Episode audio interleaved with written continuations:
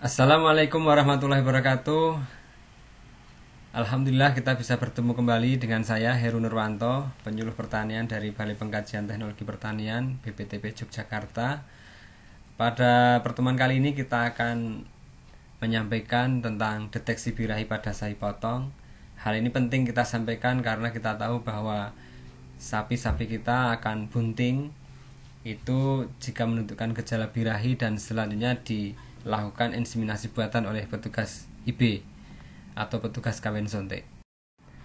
Faktor yang mempengaruhi tingkat keberhasilan dalam melaksanakan IB ini banyak sekali sebenarnya. Namun hal ini kita hanya akan membatasi bahwa kita sebagai petani ini sangat menentukan juga keberhasilan IB di mana kita sebagai petani uh, harus betul-betul menjaga sapi kita agar BCS atau body condition scoringnya itu 2,5 sampai 3,5 kemudian juga dengan pakan minum kebersihan kandang menjaga kesehatannya sehingga betul-betul kita bisa menjaga status reproduksinya. Kurang lebih sapi yang sehat seperti yang tersampaikan dalam slide ini. Tanda-tanda sapi betina yang birahi itu antara lain yang pertama adalah 3A abang abu anget di mana vulvanya atau padonannya itu berwarna abang, merah, kemudian bengkak dan kalau kita sentuh dengan tangan itu akan menunjukkan gejala hangat. Kemudian 2B yaitu bengak-bengok atau melenguh-lenguh. Kemudian yang ketiga itu 2C celingkrak-celingkrik atau menaiki temannya. Yang kemudian selanjutnya biasanya juga menunjukkan gelisah, sering kencing dan nafsu makannya turun jika sapi-sapi kita menunjukkan gejala-gejala tersebut uh, kemungkinan besar bisa dipastikan sapi-sapi kita itu dalam kondisi sedang B. Kemudian jika sapi kita menunjukkan gejala birahi, waktu yang tepat untuk inseminasi kapan?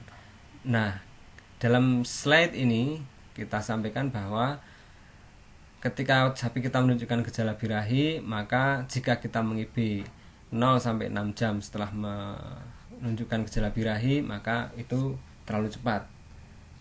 Jika 6 sampai 9 jam baik. Jika 9 sampai 24 jam itu itulah yang terbaik. Namun jika lebih dari 24 jam nah, itu tingkat keberhasilannya akan semakin turun bahkan akan menjadi nol ketika di 29 jam setelah dilakukan uh, setelah melakukan terjadi proses birahi.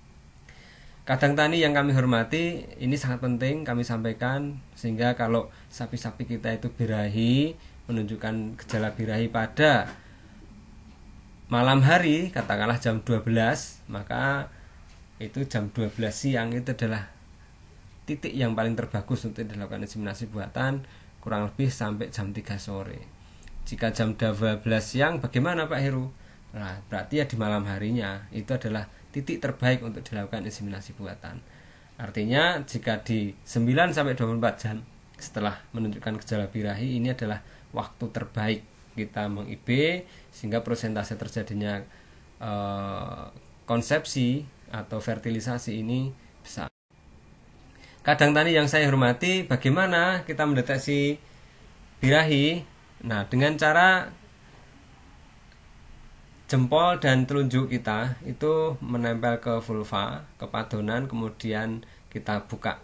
Kita tarik ke kanan dan ke kiri sehingga dia membuka dan menunjukkan e, warna merah di vulvanya itu di bagian dalamnya. Kemudian jika permukaannya merah, ada guratan e, pembuluh darah, kemudian ada lendir dan rasanya hangat, berarti itu bisa dimungkinkan dia sedang terjadi birahi.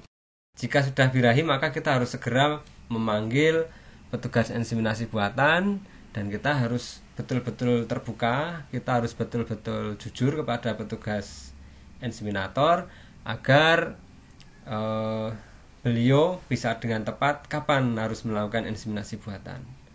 Sekali lagi kita harus betul-betul menyampaikan ini sesuai dengan kondisi yang di lapangan.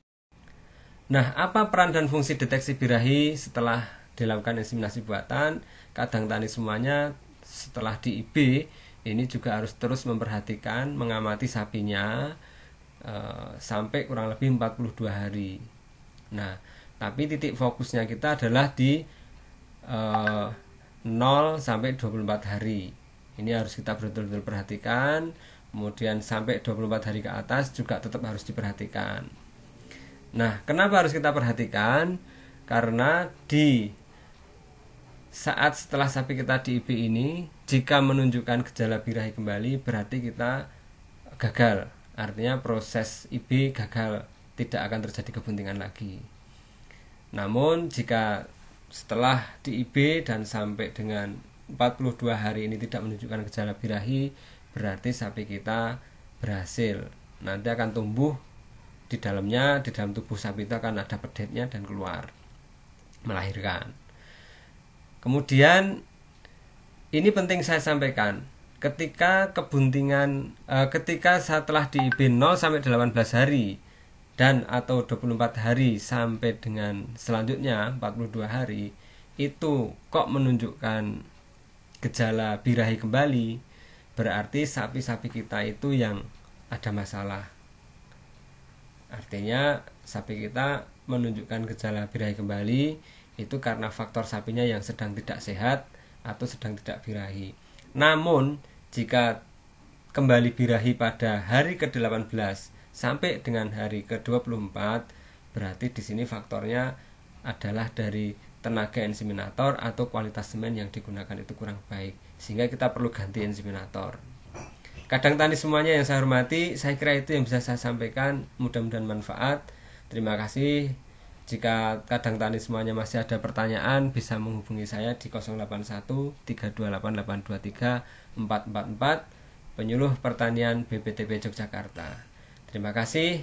Wassalamualaikum warahmatullahi wabarakatuh.